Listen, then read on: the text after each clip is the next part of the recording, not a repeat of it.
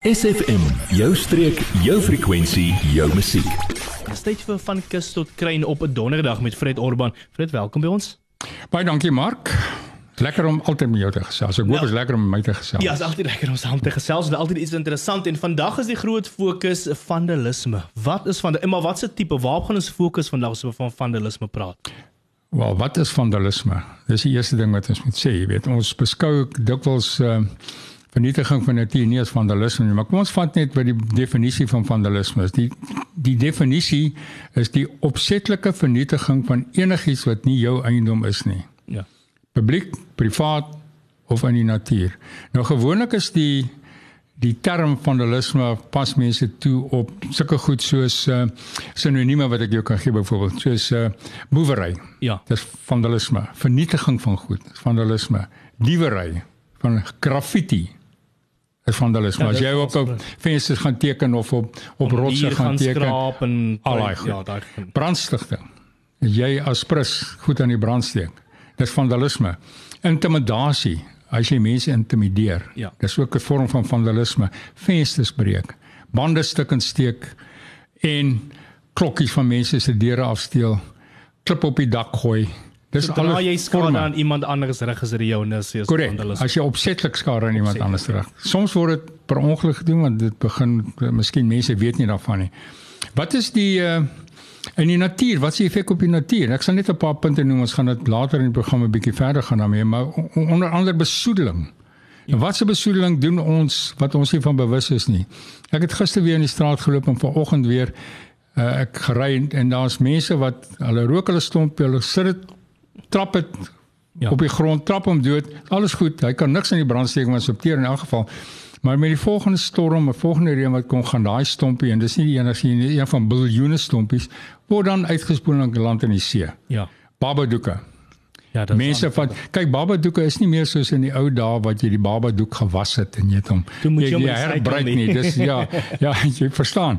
Hulle doen dit nie meer nie. Hulle gooi die ding net weg. Ek het al doeke gesien wat op die strand lê of mense grawe in die sand en dan los hulle die doek in die venster. As jy in die kar en jy gooi goed by die venster uit. Dis vandalisme want jy jy veroorsaak besoedeling. En as jy die enigste is wat dit doen, is dit nog oukei, okay, maar jy weet daar's daar's 9 biljoen mense of 7 biljoen mense op die op die wêreld en meeste van hulle doen dit in elk geval. En dan natuurlik uh, bewuste vandalisme in die natuur en jy onbewustelik vandalisme. Dikwels in visvang as jy onbewus dat jy vandalisme toepas, want jy trek miskien 'n sandhaai uit en jy gooi hom daar en jy dink nie dat daai ding eintlik 'n plek het nog in die natuur deur hom ordentlik terug te sit. So jy trek 'n haai uit, jy los hom daar, jy neem jou foto's van hom en jy sit hom terug in die water, maar hy kan nie bly lewe nie. Die mm. oesters As jy nou oesters soek en jy kap nou 'n klomp ander goed af behalwe oesters, is vandalisme want jy vernietig iets wat wat jy nie nodig het vir kos ja. of vir oorlewing nie. En dan natuurlik mosselwurms, jag dieselfde. Jy weet, ek was in Botswana gewees, die ouens skiet nie 'n bok nie, dan skiet hulle enige ding op pad terug net om iets te kan skiet. Jy weet, soos 'n duif of enigiets van die gehaardheid. Dis vandalisme. Boerdery pas baie keer vandalisme toe in die opsig dat hulle miskien aanplantings het.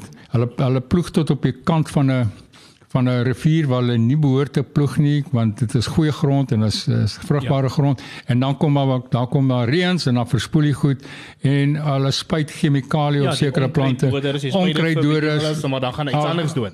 Korrek dan gaan iets anders te dood dan kom die bye nie daar nie bye gaan dood dis ook vandalisme nou ja ons kan 'n bietjie verder gesels nou nou oor Ja. kan kan diere vandaliseer Word deel van ons Facebookblad vandag nog facebook.com vorentoe skuinstreppie SFM streek. Dis van Kus tot Kruin op SFM op 'n donderdagoggend. Ek is Mark Rolofsen. Ek gesels met 'n Fred Orban en vandag fokus ons 'n bietjie op vandalisme. Nou, uh, waar waarop ons wil fokus en 'n mens dink eintlik nooit so daaraan nie, maar uh, dis nogals baie interessant waar ons vanoggend gesels en dis wilde diere. hmm. Wat se vandalisme pak hulle of pas hulle toe? Hulle is daar in die Wild Wild West daar buite. Wat kan hulle doen?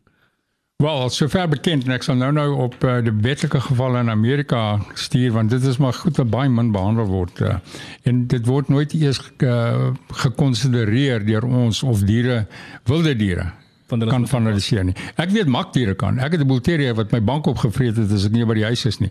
Jy weet, dis nou makdiere, maar en dis vandalisme want hy's kwaad vir my. maar maar in die in die natuur, daar was eh, die een van die groot gevalle was geweest waar 'n raccoon, dis 'n tipe van 'n amper amper soos 'n uh, Amerika teruggeding. Jy het baie groot skade aan 'n uh, 'n man se perseel aangebring, presies seker wat die skade was nie. Ja.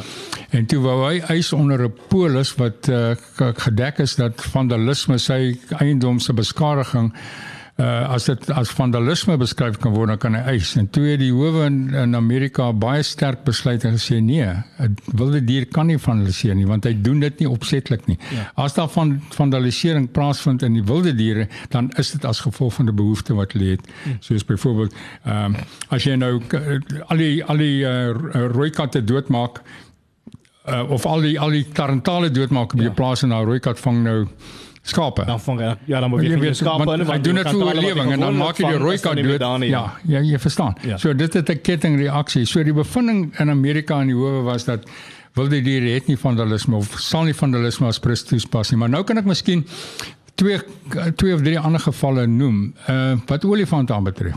Olifante lyk dit of hulle vandaliseer want hulle gaan in 'n area en stoot hulle klomp bome plat. Ja. Ek het nou nou die dag op uh op die sosiale media weer gesien as olifant daar staan een boom. Die olifant gaan soontoe en hy stoot daai boom om.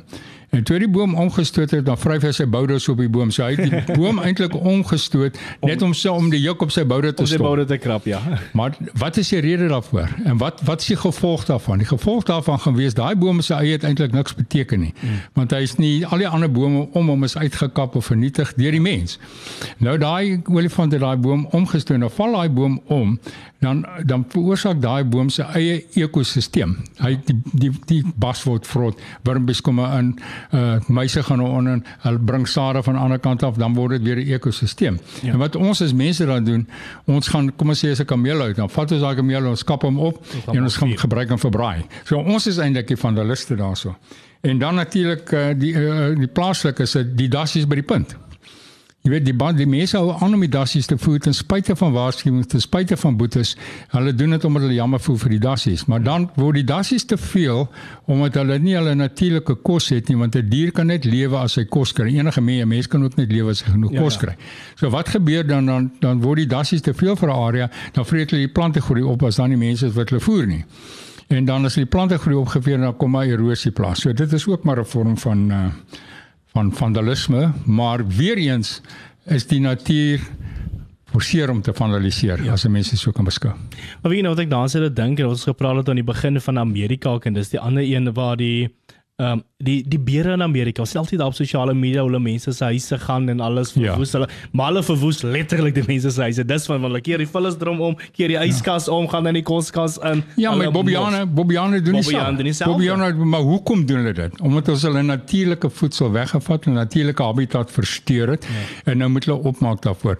En hulle hulle 'n beer sal nie 'n bank as prins stukkend skeer nie. Ja. Jy weet net om dit stukkend te skeer, hy soek kos of hy's kwaad. Jy verstaan. Ja. SFM, jou streek, jou familie, jou mense. SFM. Gesels met Fred Orban, dis van Kus tot Kruin so op 'n donderdagoggend tussen 11 en 12 op jou nommer die musiek radio sasie. Nou ons fokus vandag op vandalisme Fred en ons het nou 'n bietjie gepraat oor wilde diere wat hulle ook kan doen en die redes daar agter hoekom hulle dit doen. Maar dan praat ons oor die mens nou die mense altyd die culprit dit is baie van ons luister nie en doen net en dink nie wat jy doen nie en uh, wat die uitwerking daar is van wat jy doen nie as jy ietsie aanvang nie. Nou ons praat oor 'n blaatante vandalisme van die mense kan jy so 'n paar voorbeelde vir ons gee? Ja, ons gaan 'n bietjie terug in die geskiedenis. Kom ons begin so in die jaar 1780 toe die die weste van Amerika van Noord-Amerika uh, gekoloniseer geword het deur die Ire en die Engelse en wie ook al daar was. En dan uh, wou wat het hulle gevind dat die rooi indiane is nou 'n groot bedreiging van hulle want jy weet hulle kom in uh, 'n uh, ander stam of 'n ander mense se uh, omgewing in en dan dan is daar natuurlik botsing tussen mens ja. en mens. Toe het hulle besluit om uh, die bisons waar die rooi indiane van gelewe het. Hier is publieke kennis, is nie ek sluig dit nie uit my duim uit nie, ek belowe jou. Jy terug in die geskiedenis sal jy dit sien. Hulle het besluit om die enigste manier om die van die rooi indiane ontslae te raak is om hulle kosvoorraad te vernietig. Ja. En as jy 'n spesies wil beheer, dan moet jy sy kosvoorraad beheer. Dis dit is soos as jy jou hoenders nie voer nie of jou honde nie voer nie, dan sal hulle dit nie maak nie. In elk geval In 1780 was daar geskat 60 miljoen bisons in Noord-Amerika. 100 jaar later, net 100 jaar later, het daai getalle van 60 miljoen afgekom na 541 waar hulle van geweet het. Net 541 60 individue van 60 miljoen af binne 100 jaar wat hulle doodgemaak het. Dit klink belaglik, maar dit is wat dit is. Jy kan maar na die geskiedenis kyk en jy kan die die uh, as 'n mens jou go Google gaan gaan oplees en sê jy sien dit is ja, wat dit is. En dan Uh daar's nou ongeveer in Amerika ongeveer 16000 wat hulle van weet. Jy weet wat uh wat nou maar daar was baie interteling geweest, maar hulle het dit net in tyd gestop en dis deur president Roosevelt daai tyd Ja. gestop omdat hy geweet het dis die einde. Dis amper soos uh, president Paul Kruger gemaak met die Krugerwiltuin om die vernietiging van al ons diere. Hier by ons het dieselfde plaasgevind met die springbokke. Ja. Die trekbokke, daar was miljoene van hulle gewees.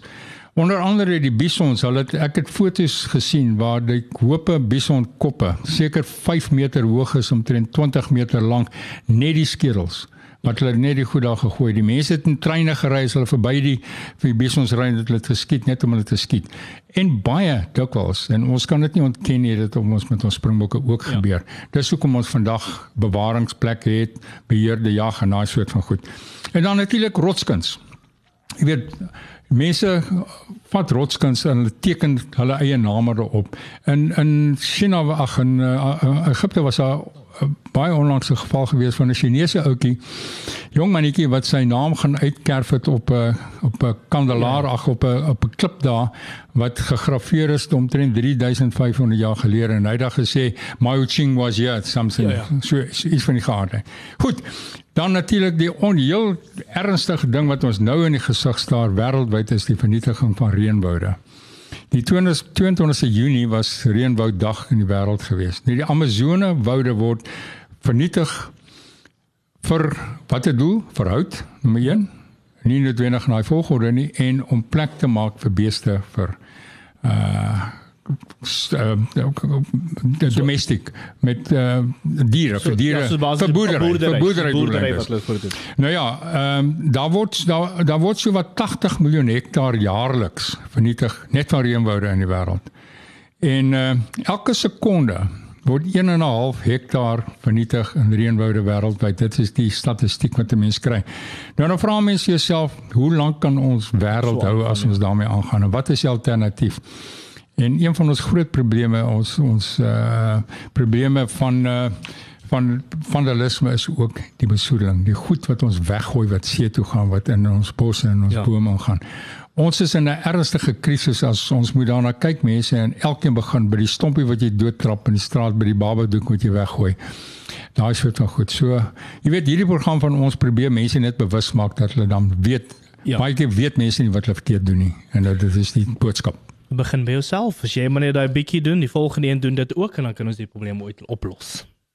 Dis dan waarvan ons tyd het vir vandag met van die kus tot kruin. Baie dankie Fred vir die inkom en die inligting. Dankie Mark. Baie dankie. Adverteer jou besigheid vandag nog op SFM. Vir meer inligting skakel SFM gerus by 044 801 7811.